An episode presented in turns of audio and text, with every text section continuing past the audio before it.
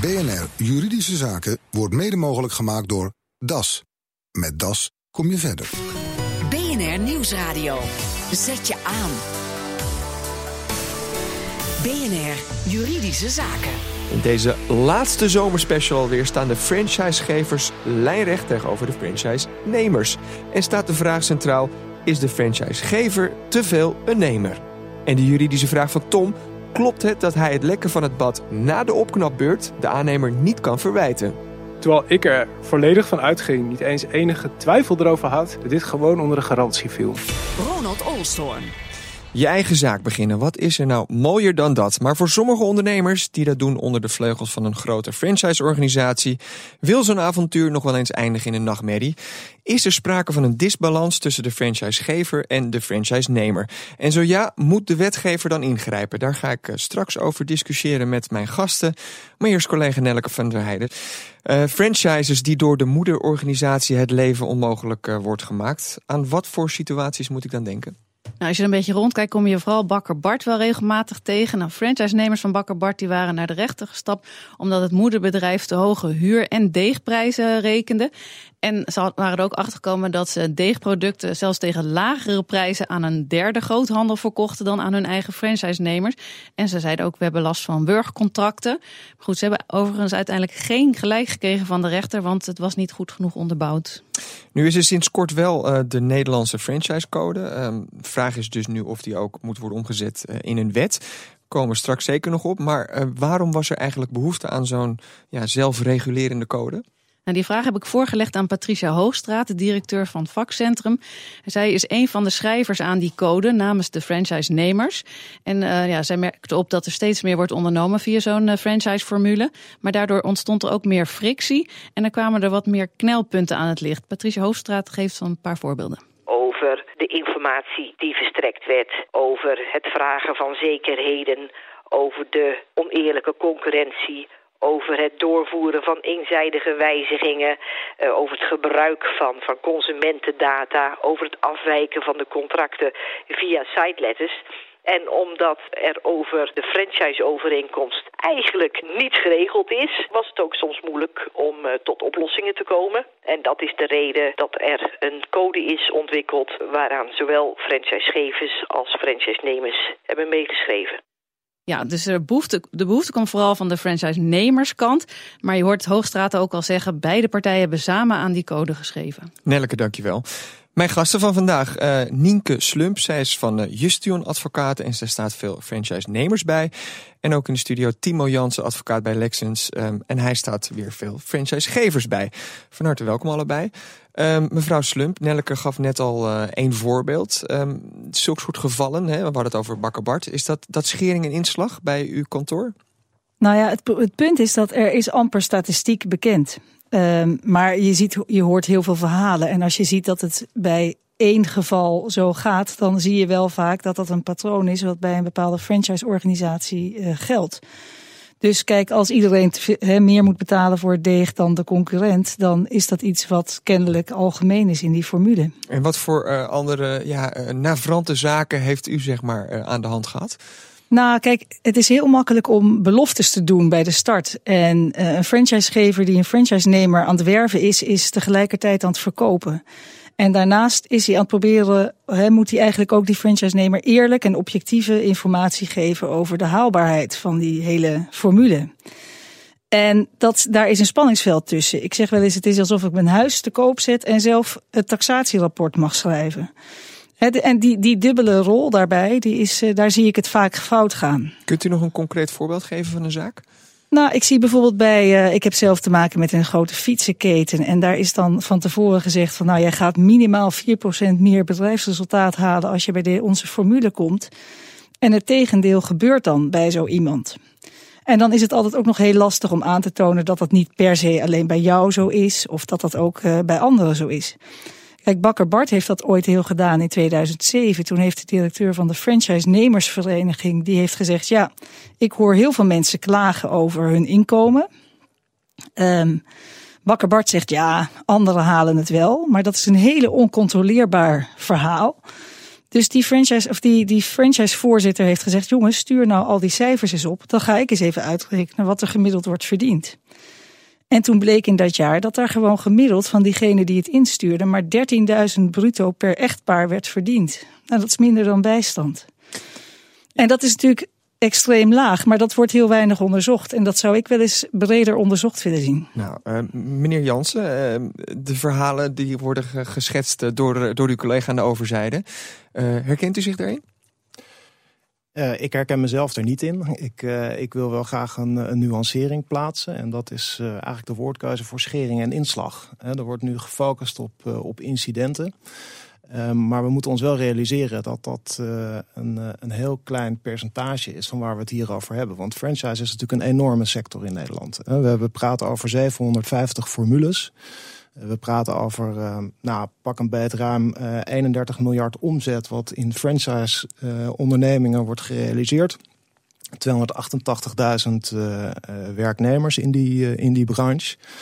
Ja, en, en, dus daar gaat altijd wel eens een keer iets gaat, mis. Daar gaat wel eens iets mis, ja, wilde ja. ik maar zeggen. Ja, en om dat dan schering en inslag te noemen, dat, uh, ja, dat vind ik persoonlijk te ver gaan. En mevrouw Slim zegt nou, Jes, van ja, het wordt niet goed onderzocht. Dus er is eigenlijk meer in de hand. Maar ja, hoe groot is het probleem eigenlijk? Daar ben ik wel benieuwd. Nou, nou het, het, probleem wordt vooral ook veroorzaakt door de enorme onevenwichtige contracten. Want um, een gemiddeld franchise-contract is zomaar een pagina of, uh, of daar zitten. Ik, ik heb één voorbeeld bij me waar gewoon 160 plichten in staan. Uh, nou ja, 48 neutrale bepalingen en dan nog een paar rechten voor de franchise-nemer. Dus er zijn heel veel kapstokken voor de franchisegever om de baas te spelen. Um, plus daarbij moet je heel veel kosten betalen aan die franchisegever. En de vraag is of die kosten wel, uh, of daar voldoende rendement tegenover staan. Deugen die contracten, meneer Jansen?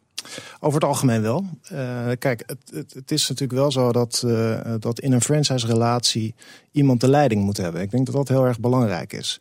En we moeten ook niet vergeten dat uh, franchise-nemers, ja, dat zijn geen werknemers, maar dat zijn vooral ondernemers. En die kiezen om, om hun moverende redenen, kiezen ze ervoor om zich bij een franchise-formule aan te sluiten. Ze denken daar beter van te worden. Omdat ze natuurlijk een hele hoop zaken besparen. Want ze, ze kunnen werken met een, uh, met een formule die zich bewezen heeft. Uh, en dat, daardoor kunnen zij focussen op het lokaal ondernemerschap. Dus dat is een afweging die ze maken. Maar dat betekent wel dat, dat iemand de leiding moet hebben over die formule. En juist in um, omstandigheden waarin een formule het zwaar krijgt, ja, dan moet de franchisegever eigenlijk de, de mogelijkheid hebben om, om die formule bij te kunnen sturen. En want dat is in het belang niet alleen van die franchisegever, maar eigenlijk van het hele bestand van franchise-nemers, eigenlijk dat hele netwerk.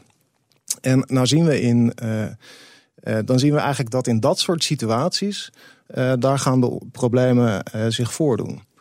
Op dat moment dan begint natuurlijk dat hele netwerk te morrelen. De franchise-nemers... Dus als er minder inkomsten zijn? Als, er ja. minder, als de formule eigenlijk onder druk staat. Want ja, een formule, dat is natuurlijk niet een, een vaststaand gegeven. dat is iets wat naar gelang de marktomstandigheden ontwikkeld moet worden. Dat hebben we bijvoorbeeld bij Bakker Bart ook gezien. Die hebben het heel erg zwaar gehad. Maar nu de laatste periode worden er nieuwe vestigingspunten geopend met een nieuwe formule.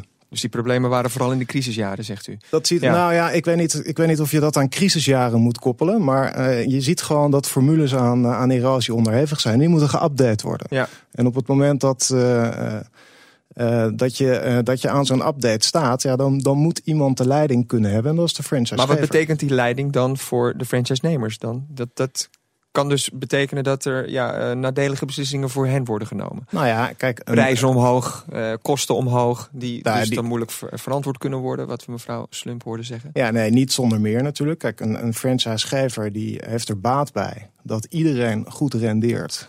Uh, dat, dus zowel de franchisegever als de franchise-nemer. En uh, iedereen moet in staat zijn om op een gegeven vestigingspunt een goede boterham te verdienen. En daarvoor moeten soms pijnlijke beslissingen worden genomen door gewoon rigoureus in te grijpen in een, in een formule. Gewoon omdat de concurrenten scherper zijn geworden en er aanpassingen nodig zijn. Dat vereist soms ook investeringen. Ja, dat, dat, dat, dat leidt soms tot weerstand, omdat ja, iedereen het natuurlijk zwaar heeft. Ik begrijp uw punt, maar uh, mevrouw Slump, ik hoorde meneer Jans ook zeggen van ja... Uh, het zijn geen werknemers, het zijn ondernemers. Ze weten toch ook een beetje waar ze aan beginnen.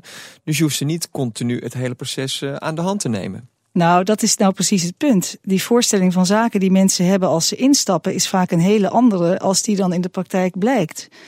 Um, en dat is het punt. Je wordt, je wordt warm gemaakt. En uh, in de voorfase is het allemaal, we gaan het samen doen. We hebben hetzelfde belang. Ja, u hoeft de vinger niet op te steken. Als nee, u wil inbreken, nee, dan gaat het maar, en, en dat is dus de, En altijd het bewezen succes. Maar dat bewijs heb ik dus nooit gezien. Kijk, ik zie wel... Uh, er worden gouden bergen beloofd. Nou ja, er wordt steeds gesproken over dat zijn incidenten. Maar ik zeg al, ik weet niet of het incidenten zijn. En niemand die dat echt onderzoekt. Zelfs de franchise, Nederlandse franchisevereniging niet. Die hebben het alleen maar over de omvang. Maar kijk, als een formule 100 vestigingen heeft. En tien jaar geleden ook al, dan wil dat niet zeggen dat er op die vestiging steeds dezelfde franchise-nemers zitten. Ik zie gewoon soms in vijf jaar tijd. Meneer Jans op een gegeven reageren. Uh, ja, maar ik zie in vijf jaar tijd soms uh, dat er gewoon drie keer een, een van, van eigenaar verwisseld wordt. En drie keer verlies. En dan denk ik, wie, wie duwt iemand toch elke keer die verliesgevende uh, locatie in? De vraag is natuurlijk hoe zo'n uh, scheve voorstelling van zaken uh, wordt, wordt veroorzaakt. Hoe die kan ontstaan bij aanvang van zo'n van zo'n franchise-relatie. En ik denk dat de adviseurs van franchise-nemers daarin een hele grote en belangrijke rol spelen. Want ja, ehm, de vraag of iemand een ondernemer is, dat kan zich eigenlijk pas in de praktijk uitwijzen. Dus er moet heel kritisch gekeken worden naar, ja, kan ik dit eigenlijk wel? Maar moet, moet de franchisegever dat ook niet doen? Dat doet de franchisegever ook, zeker. Want de franchisegever neemt natuurlijk ook een groot risico met het aangaan van een franchise-relatie met een franchise-nemer. De franchisegever heeft natuurlijk ook helemaal geen belang bij om een veel te rooskleurig plaatje te scheppen. Iemand, uh, uh, iemand te verplichten om te investeren in een vestigingspunt. Waar een franchisegever echt belang bij heeft, dat is succes op dat, uh, op dat lokale vestigingspunt. Want dan kan de franchisegever geld verdienen, namelijk door de franchise fee die meestal over de omzet gaat of, of door goederenleveranties en de franchise-nemer ook. Dat is de win-win situatie. Die wordt ook uh, nagestreefd. En er is geen enkele incentive voor franchisegevers om uh, ondernemers te verleiden om daarin, uh, om daarin een verkeerd beeld te schetsen. Ja, op dit punt wil mevrouw Slump ook weer even reageren, maar dat moet ze toch echt doen na de reclame. Want dan gaan we het ook nog hebben over de franchise code. Dus de vraag is, moet die wet? BNR Nieuwsradio. Zet je aan. BNR Juridische Zaken. Welkom terug. We hebben het vandaag over franchise en meer in het bijzonder over de vraag of de franchise-nemer beschermd moet worden tegen de franchisegever. Want de aanleiding van een aantal misstanden in de sector is er nu een Nederlandse franchisecode. En minister Kamp van Economische Zaken die verkent nu of die code ook echt wet moet gaan worden. Bij mij in de studio nog steeds Nienke Slump, advocaat van veel franchise-nemers. En Timo Jansen staat vaker de hoofdkantoren, de franchisegevers bij. Uh, en Timo Jansen, jij maakte voor de reclame nog een punt van ja, het is in niemands belang als uh, het fout gaat met de franchise-nemer. Um, maar mevrouw Slump, daar had u zo uw, uh, uw bedenkingen bij. Ja, ik heb uh, door, uh, doordat ik ooit in de Telegraaf een artikel had, was gepubliceerd. De eerste reactie kwam toen van een voor, oud formulemanager van een franchisegever. Die ook zei, nee, die wisselingen dragen ook bij aan het verdienmodel. Namelijk de franchisegever verkoopt een inventaris voor een fors bedrag. Daar maakt hij zelf ook winst op. Dan gaat het na zoveel jaar fout. Dan koopt hij het terug voor een prikkie en hij verkoopt het weer aan de volgende. Kijk, al die Bakker Bart winkels, die 117 die er in de afgelopen jaren zijn dichtgegaan, gaan ook weer open. En daar staat weer iemand in die een instapfee betaalt. Dus het is ook een onderdeel van het verdienmodel. Laten we voor nu... Niet structureel, hè? Niet structureel. Ja, dat, dat, dat, punt hebben we voor de, voor de reclame al, al, gemaakt. Maar er is ja. dus nu die, die, die code, de franchisecode in Nederland. Um, ja, levert die wat op om dit soort nou ja, uh, problemen de wereld uit te helpen? Ik denk dat die een hele hoop gedoe oplevert. Uh, en uh, dat denk ik omdat uh, deze code vol staat met, nou ja, op z'n zacht gezegd, multi-interpretabele bepalingen. die verplichtingen in het leven roepen voor, voor franchisegevers. Ja, en je kan er vergif op nemen dat op het moment dat het verkeerd gaat, dat die nou ja, uit, uit de lade getrokken wordt om de franchisegever allerlei verplichtingen aan te wrijven. Dus ik denk eigenlijk dat dat een, een, een bron voor conflict zal zijn. Dus de, de maar belangrijker ja. misschien nog wel is denk ik, en dat, dat zei ik voor de pauze ook al, is dat hij probeert om een, om een probleem te ondervangen, wat eigenlijk niet een probleem is, maar juist een asset. Namelijk, het probeert de onevenwichtigheid tussen franchisegever en franchise-nemer weg te nemen. Terwijl ik denk dat een zekere mate van onevenwichtigheid moet nou juist. Hè? Want iemand moet dus de leiding hebben over de formule. Zijn, wat u betreft. Die zou er niet moeten En die zijn. maakt het alleen maar erger. Mevrouw Slump. Nee, ik denk dat de code een, een, een gigantische verbetering teweeg brengt. En kijk, de code is maar 22 pagina's, inclusief de toelichting. Dus dat zijn misschien 10 pagina's netto tekst. Ik had het net al over dat contract dat ik bij me heb met, uh, nou ja, uh, 360 pagina's aan formulehandboek. En als er dan iets fout gaat, dan trekt de franchisegever de la open en hij zegt: Ach, u had geen brood in uw mandje liggen om drie uur s middags en u moet tot en met drie uur vers brood bijbakken. En als u het dan twee uur later kunt wegmikken omdat het op is, ja, dat is uw ondernemersrisico. Dus dat de franchisegever heeft een enorme ma goede manier gevonden om tot op de vierkante millimeter te bepalen wat de franchise-nemer moet doen. En vervolgens zegt hij, ja, en als het fout gaat, is het jouw schuld.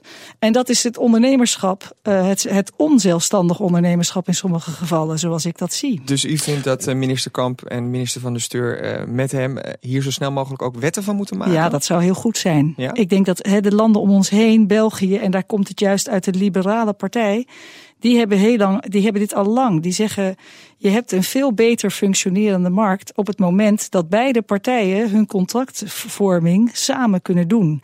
En er niet één partij is die zegt, hier heb ik een set met 360 pagina's plichten.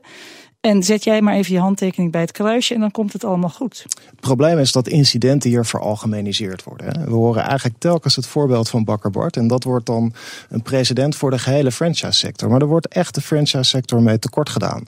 Het probleem van deze code is dat er onvoldoende draagvlak is in de, uh, in de sector. Um, het gekke is ook dat uh, als we kijken naar uh, internationaal, hè, hoe in Europees verband uh, omgegaan wordt met dit soort initiatieven, dan krijgen we een heel ander beeld. Want we zien bijvoorbeeld in het kader van de Europese Franchise Federatie, de, de vereniging van nationale franchiseverenigingen, die zijn bezig met een, met een herziening van de Europese franchise-erecode. Maar deze code is toch ook op de Europese code gebaseerd? Of niet? Deels. Als je heel goed kijkt, dan zou je wat dingen kunnen herkennen. Maar gaat veel verder. Want de Europese franchise Waar gaat hij dan zo ver in? Op. Nou, in het, in het opleggen van hele specifieke bepalingen. Zoals? Ik denk dat een franchise-code, die, die moet, of een, een, gedragscode in algemene zin, die, die moet principle-based zijn. Daar Ja. moeten principes in neergelegd worden en geen specifieke verplichtingen. Maar het ademt toch de redelijkheid en billijkheid. Ik ben nog even door het document heen zeker, gegaan. Zeker, maar, maar dat, en dat is denk ik ook goed. Alleen ons Nederlands recht ademt ook redelijkheid en billijkheid. Dus daar hebben we die code niet voor nodig. Om een specifiek voorbeeld te noemen wat er in die, in die Nederlandse franchisecode staat. Dat is dat uh, franchise-nemers desgevraagd uh, advies moet worden gegeven over hoe ze hun performance kunnen gaan verbeteren. Dat is op zich natuurlijk klinkt dat heel redelijk. Alleen in de praktijk zien we natuurlijk dat dat soort, uh, uh, dat soort regels... die gaan eigenlijk het ondernemersrisico van de franchise-nemer... verleggen naar de franchisegever. Terwijl de hele gedachte van franchising is nou eenmaal... een sterke formule in combinatie met lokaal ondernemerschap... zodat Dat beide heeft- partijen ja. er beter van worden. Dat hoort er ook een beetje bij. Hè? De, de regel, dat is het spelletje een beetje van het ondernemen uiteindelijk. Me- Mevrouw Slump, eh, we moeten gaan afsluiten. Eh, Welke kant gaan we op? Gaat het wat u betreft snel genoeg? Eh, gaat nou, u eh, ik ben heel blij. Ik ben bewerken? ontzettend Wat- blij met de, de stappen die gemaakt zijn. En kijk, er wordt nu gesproken weer over de Europese erecode, maar die is opgesteld door franchisegevers. En dat is nu juist het unieke aan dit Maar document. gaat het nog lukken dat de franchisegevers en de franchise-nemers op een zeker moment op één lijn met elkaar zitten? Misschien moeten we de Europese ontwikkelingen afwachten. Er zijn in Europees verband, die EFF, daar refereerde ik al even aan, wordt er gewerkt aan een update van die Europese franchisecode. Nou, dat is een document dat wordt democratisch tot stand gebracht. In het buitenland kennen we franchiseverenigingen waar franchisegevers en franchisenemers in verenigd zijn.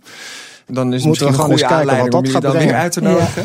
Eh, dank voor nu in ieder geval eh, de in franchising gespecialiseerde advocaten Nienke Slump en Timo Jansen. BNR Juridische Zaken. Ronald Olstorm.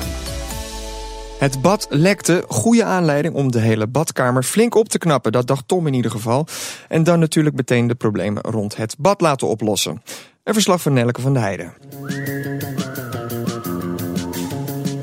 Tom, je hebt je badkamer grondig laten verbouwen, maar het is niet helemaal goed gegaan. Klopt. Badkamer verbouwd, nieuwe tegels laten aanleggen. Op de vloer, aan de muren, badkuip opnieuw betegeld. Hadden ook een probleempje met, uh, met de afvoer van het water van het badkuip. Het bouwbedrijf heeft gekeken waar het probleem zat. Zij dachten dat het probleem zat in een afvoerputje. Afvoerputje dichtgemaakt. Wij dachten, we hebben een fantastisch nieuwe badkamer. Hartstikke mooi. Komende 20 jaar niks meer aan doen. Maar dat bleek anders. Dat bleek anders, ja. Want al vrij snel nadat de badkamer was verbouwd, bleek dat er wat tegels her en der los waren komen te zitten op de vloer. Dat hoorde je. En afgelopen weekend, nadat we in bad waren geweest, kwam er opeens echt water onder de tegels vandaan. En ook in de woonkamer was op de muur een uh, lekkage te zien, grote vlekken. Dus er gaat iets grondig mis met de afvoer van het water uit het bad. Blijkbaar was er ook nog een ander probleem bij het bad. Vandaag is het bouwbedrijf hier langs geweest, hebben gekeken wat er was. En het was niet dat, dat putje wat ze hadden dichtgemaakt, dat zat prima dicht. Maar onder de badkuip zat nog een ja, een leiding, een slangetje los. En dat was gaan lekken. En dat slangetje, ja, dat hadden zij nog nooit gezien. Terwijl ik vind dat ze dat van tevoren, toen ze die badkamer gingen verbouwen,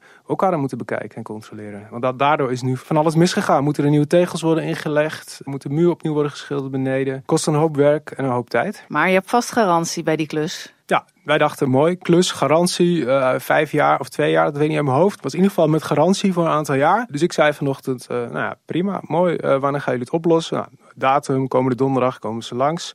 Maar, zei degene van het bouwbedrijf, we moeten wel eventjes gaan praten over geld. Want dit valt niet onder de garantie. Terwijl ik er volledig van uitging, niet eens enige twijfel erover had, dat dit gewoon onder de garantie viel. Dus mijn vraag is, valt dit probleem, wat nu nog niet helemaal opgelost is, onder de garantie. Willem Vos van Vulpes Advocaten. Tom vraagt zich af of dat extra probleem dat zich nu bij het bad voordoet, of dat onder de garantie valt. Is dat zo? Nee, want garantie is in dit geval niet iets wat uit de wet voortvloeit. En het is ook niet contractueel overeengekomen. Dus het, het gaat hier niet om garantie. Waar het Tom wellicht wel om gaat, is of hij de aannemer kan aanspreken voor die tweede lekkage. En? Ook daar is het antwoord nee. Hem is gevraagd om een lekkage die zich voordeed bij het bad, om die te verhelpen. Dat leek op dat moment ook gewoon te zitten in dat putje. Hij heeft dat verholpen. Maar als gevolg van die reparatie is er, is er meer druk op de rest van de leidingen komen te staan en heeft zich op een ander punt een lekkage gemanifesteerd. Had die aannemer dan niet kunnen zien dat die leidingen niet goed genoeg waren om die druk aan te kunnen? Als hij het bad eerst helemaal vol had laten lopen en, en, en, en had gekeken hoe dat was weggelopen, dan had hij dat kunnen zien. Vraag is of dat in dit geval van hem had mogen worden gevraagd. Hem is gevraagd om iets bij een putje te repareren. Dat heeft hij gedaan. Daar doet die lekkage zich op dit moment ook niet meer voor. Maar wel op een ander zwak punt van de installatie die door de voorgaande aannemer is gemaakt. Daar doet zich nu wat voor. En daar kan hij dus deze aannemer gewoon niet op aanspreken? Nee, want die heeft eigenlijk niet met zijn vingers aan dat gedeelte van de installatie gezeten. Dus daarvoor valt hij ook niet aan te spreken. Kan uh, Tom er dan toch nog wat mee? Heel misschien. Ik hoorde dat Tom ongeveer een jaar eigenaar is van deze woning. Meestal gaat bij de levering gaan de aanspraken op aannemers gaan over. Dus als de vorige eigenaar zijn aannemer hiervoor had kunnen aanspreken, dan kon Tom dat wellicht op dit moment ook, als er geen verjaring is ingetreden. Ja, dus dat moet hij uitzoeken of hij de vorige aannemer erop aan kan spreken. Ja, hij moet nog even aan het werk om te kijken of dat, uh, of dat dit kan. Aan het werk dus, zegt advocaat Willem Vos in een bijdrage van Nelke van der Heijden. Heeft u zelf een juridische vraag? U kunt hem ons mailen naar juridischezaken.bnr.nl. Dit was de uitzending voor vandaag. U kunt de show nog eens terugluisteren via bnr.nl slash juridische zaken. Mijn naam is Ronald Olstorn. Tot de volgende zitting. BNR Juridische Zaken wordt mede mogelijk gemaakt door DAS. Met DAS kom je verder.